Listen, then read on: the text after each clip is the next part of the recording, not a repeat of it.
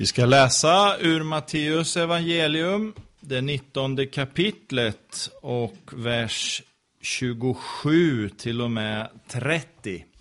Matteus 19, vers 27 till 30. Då tog Petrus till orda. Se, vi har lämnat allt och följt dig. Vad ska vi få för det? Jesus svarade dem, sannerligen säger jag er, vid på nytt födelsen, när människosonen sätter sig på sin härlighetstron, då skall också ni som har följt mig sitta på tolv troner och döma Israels tolv stammar. Och var och en som för mitt namns skull har lämnat hus eller bröder eller systrar eller far eller mor eller barn eller åkrar, han kommer att få hundrafalt igen och skall ärva evigt liv. Men många som är de första ska bli de sista och många som är de sista skall bli de första. Låt oss be. Herre, vi tackar dig för ditt ord. Tack att det är levande och verksamt. Du heliga ande befruktar ordet och låter det slå rot i våra hjärtan. Nu ber vi för den här stunden då vi ska få samlas inför ditt ord. Herre, tack att du är med oss. Tack att du låter oss beröras av din storhet. I Jesu namn. Amen. Ja, visst är det spännande att läsa Bibeln. Det är spännande att läsa om det som händer och följa de här eh, männen och kvinnorna som framställs i Bibeln. Men jag kan tycka också när jag läser inte minst eh, hur Petrus många gånger bemöter Jesus eller möter Jesus. Det är lite, om du ursäktar uttrycket, lite goddag yxskaft över hans frågor. Vi sitter med facit i hand. Vi vet vad som hände. Det kanske inte han visste vad som skulle ske. Så det är klart det kan finnas lite förmildrande omständigheter. Eh, men ändå så är det lätt att förhäva sig lite när man sitter där och läser evangelierna och tänker, men hur tänkte de nu när de sa sådär? Det vet ju hur det egentligen var. Eh, och det kanske är så. Men när vi läser evangelierna så behöver vi ha några saker som vi tar i beaktande. För det första, det här var ju unga pojkar. Jag kan frestas ibland att tänka bara i förbifarten så här att de här lärjungarna som följde Jesus, det var eh, tunga teologer, djupa tänkare och livserfarna män och kvinnor. Men de här lärjungarna var ju faktiskt unga pojkar när de blev kallade och gick med Jesus. De kanske inte var mer än 20 år och med våra mått mätt så kanske de inte hade så mycket livserfarenhet eh, kan man tänka sig. Eh, så i evangelietiden så är det ju inte fråga om några gamlingar i det här fallet och därför kanske inte heller i det läget fullfjädrade teologer och tänkare. Eh, för det andra var de ju inte så världsvana som sagt. Internet, eh, det visste man ju faktiskt inte vad det var på den tiden. Det fanns inte ens cyklar. Så att man kunde ta sig hit och dit, utan man fick snällt gå eller ta åsnan till närmaste ställe. Eh, det var ett ganska begränsat område man uppehöll sig på, så referensramarna är inte så stora för lärjungarna. Men för det tredje, och det är ju det viktiga, mot bakgrund av vad jag har sagt så ska vi ändå inte frestas att tro att de här pojkarna var intellektuellt svaga på något vis. De var enkla och olärda. Det var ju en skillnad kanske mot många idag, men framförallt så levde de med Herren och var fyllda av den helige Andes kraft. Så det får vi ta med oss, att eh, det var fantastiska killar trots allt. När man nu läser det här avsnittet så är det en fråga som inställer sig. Eh, Petrus och Johannes, när de nu kommer med de här märkliga frågorna. Eh, då tänker jag så här, egentligen, Om jag själv lever med Jesus, om jag tänker liksom och, och, och, och, vandrar med honom, så tänker jag, finns det egentligen någon dum fråga att ställa Jesus? Eller? Vi kan tänka att allt ska vara så perfekt och felfritt och nu pratar vi med, med den levande Gudens son och då får vi sannoliken eh, se till att vi är välpolerade och allt sånt här eh, genomtänkta. Men egentligen, finns det dumma frågor att ställa till Jesus? Jag menar med handen på hjärtat så här, eh, så kan ju faktiskt både du och jag inse att vi har stått inför spörsmål när vi har funderat kan jag verkligen ta det här till Herren? Om jag sitter och, och, och, snörvlar kanske med en liten förkylning, så tänker jag, men det där är ju för banalt. Det där kan jag ju inte störa Gud med. Det förstår ni väl? Han har väl mycket viktigare saker att hålla på med än att ta hand om min förkylning. Och sen kommer någon märklig utveckling eh, kring det där. Och jag tror att vi alla faktiskt har varit där någon gång. Att ja, men det där ska jag inte besvära Gud med, det tar jag hand om själv.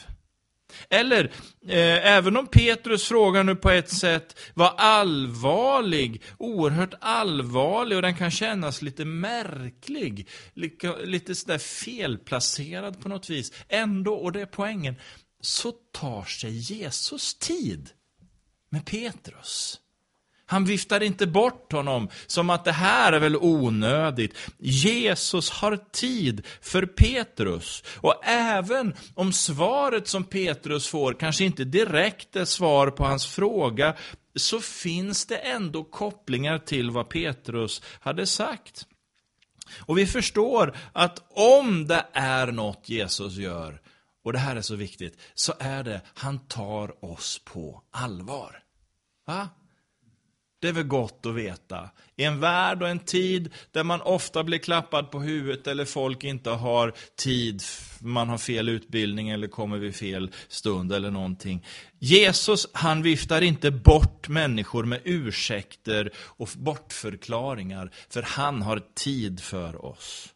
Om han så håller på med svälten i Calcutta så är han lika intresserad och har förmåga och möjlighet att också ta hand om våra förkylningar och småkrämpor. Så när jag försöker greppa Jesus, när jag försöker förstå mig på vem han är, och det vet ju du som läser Bibeln att det är inte alltid så lätt att göra det. Då blir en sån här text så oerhört värdefull och den blir till så stor hjälp. Därför att den får mig att förstå, jag är viktig för Jesus. Jag är betydelsefull för honom. Inte så att han daltar med mig. Eh, och alltid gör det jag säger eller önskar att han ska göra. Men framför allt han tar mig på allvar. Jesus stannar upp för att lyssna på mig och jag är övertygad om att även om frågor och tankar jag bär på är naiva eller kanske rent av infantila, alltså lite barnsliga, så är det ändå ett leende av välbehag som jag kan ana i hans ansikte. Därför att han blir glad över att jag söker honom. Han blir glad över att jag vill ha med Herren att göra, att jag vänder mig till honom. Sen kan man ju där stanna upp och fundera lite kring hur vi svenskar är till vårt sinne.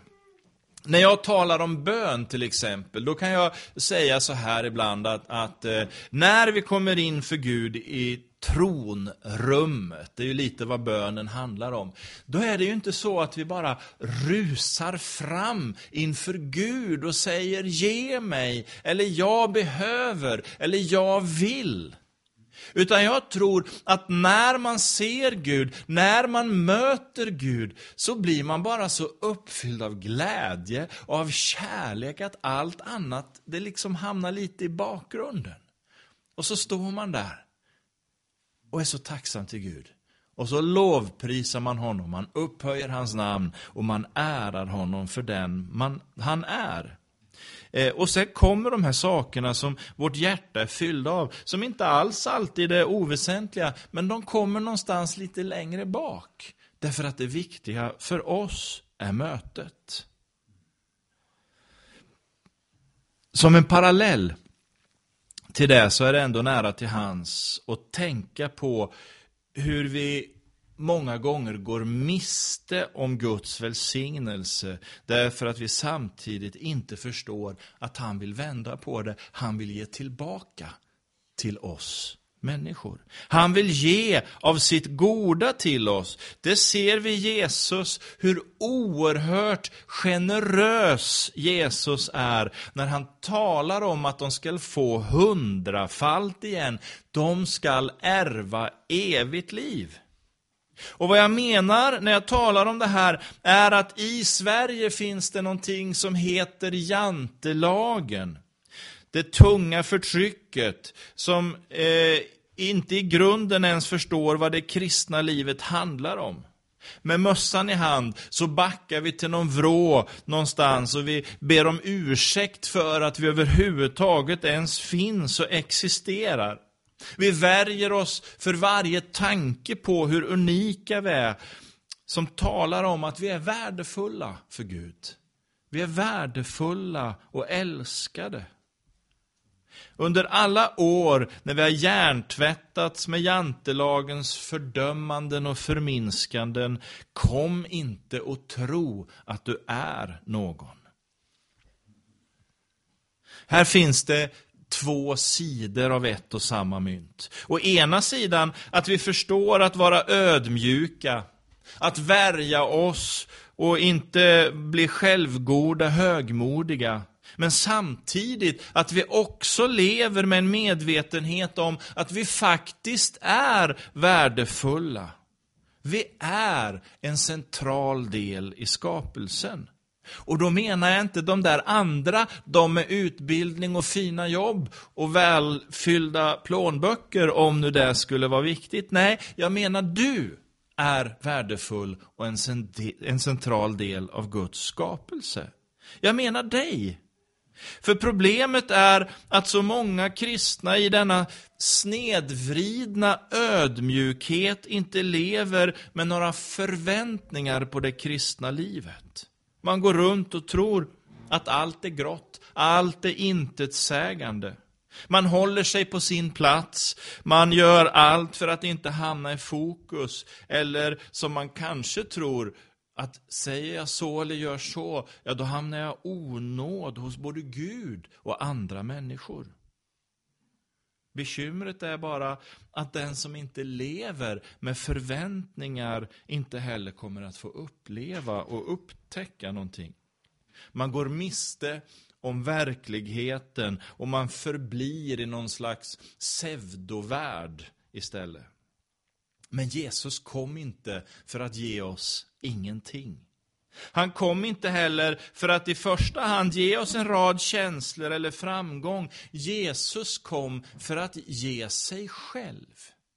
Jesus kom för att ge sig själv och ge oss, dig och mig, en ny gemenskap med honom. Han kom för att ge oss det som verkligen är liv. Och vänder man på den tanken inser man att lönen egentligen inte är kallelsens förverkligande, det nya livets verklighet, och det tror jag inte att någon av oss vill gå miste om. Att leva med en sund förväntan att Gud inget hellre vill än att gripa in i mitt liv föder en obeskrivligt spännande livsresa. Kanske inte så enkel, kanske inte så självklar, men den är spännande. Och framförallt ger det oss en dimension av livet som aldrig kan erhållas annat än när vi vandrar med Jesus. Där. Just där, i den skärningspunkten mellan viljan att närma sig Jesus, att jag går mot honom, men också att jag öppnar mitt hjärta för att ta emot av det han vill ge. I den skärningspunkten, där öppnar Gud dörren till den förunderliga nåden. Förhållande till Gud blir nytt. Förhållande till medmänniskor blir nytt. Och vi ser hur Gud på det ena området efter det andra börjar förlösa oss och ge oss en helt ny inriktning för våra liv. Misstro blir till, miss, till tillit och till kärlek. Snålhet förbyts till generositet. Ängslan och oro vänds till öppenhet, till glädje och tillit. Eller som en teolog sa när han försökte beskriva vad nåden är. En återförening av liv till liv. En återförsoning av jaget med sig själv. Nåden förvandlar ödet till en meningsfull bestämmelse och skulden till tillförsikt och mod. Det vill säga, vi lever inte längre i ett utanförskap. Utanför Edens lustgård och paradisets hägn. Vi lever inte längre under den dom av fördömelse som synden så rättmätigt vill döma oss till, utan genom Jesus Kristus har det eviga livets gåva blivit vår. Det gamla är förbi. Något nytt har kommit, som Paulus skriver. Den som är i Kristus är alltså en ny skapelse.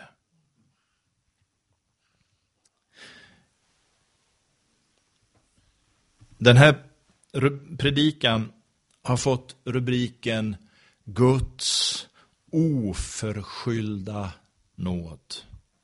Kanske ett gammalt ord som inte används idag. Vill du ha en något modernare formulering så skulle man kunna säga den oförtjänta nåden. Precis. För när jag summerar sanningen om nåden så inser jag hur oförtjänt jag är av den. Ingenting av det jag gör når ens i närheten av att hjälpa mig att förtjäna Guds kärlek. Förstå mig rätt, våra gärningar är oerhört viktiga. Vi kan inte leva hur som helst. Vi ska inte leva hur som helst. Men det är inte för mina gärningars skull som jag har rätt att träda fram inför Gud. För där krävs någonting som är mycket större än vad jag någonsin kan uppnå med det jag själv gör. Vi behöver närma oss Gud. Och vi behöver göra det i någon slags förväntan av hans vilja att möta oss. Men grunden för det bygger på min insikt att detta är möjligt endast för att Jesus själv har gått vägen före. När jag går in i den sanningen och i tro smälter samman med att Jesus har med mitt liv att göra, då öppnas en helt ny värld där alla bitar faller på plats. John Ångman, han skrev de här orden, lyssna de är så vackra. Av Herren planterad i Mästarens hängn, som rosen i Saron jag står. I himmelens solsken, välsignelsens regn, jag blomstrar i oändlig vår. Det var så fint så jag måste läsa det en gång till. Av Herren planterad i Mästarens hängn, som rosen i Saron jag står, i himmelens solsken, välsignelsens regn, jag blomstrar i oändlig vår. Guds oförskyllda nåd. Den oförtjänta nåden, den gäller oss alla och den har vi all anledning att tacka Herren för. Låt oss göra det. Evige Fader, jag tackar dig för den nåd som du har till oss. Jag tackar dig Fader för att du i din kärlek inte avkräver oss några gärningar eller någonting annat för att vi ska få vara med dig. Det är du som öppnar dörren. Det är du som tar och löser oss ifrån synd och orättfärdighet. Tack för reningen i Jesu blod, Herre. Jag ber för oss som är här idag. Jag tackar dig för att vi ska få ännu större förståelse för djupheten av din nåd, för storheten i din kärlek och omsorg. Vi vill ge dig äran.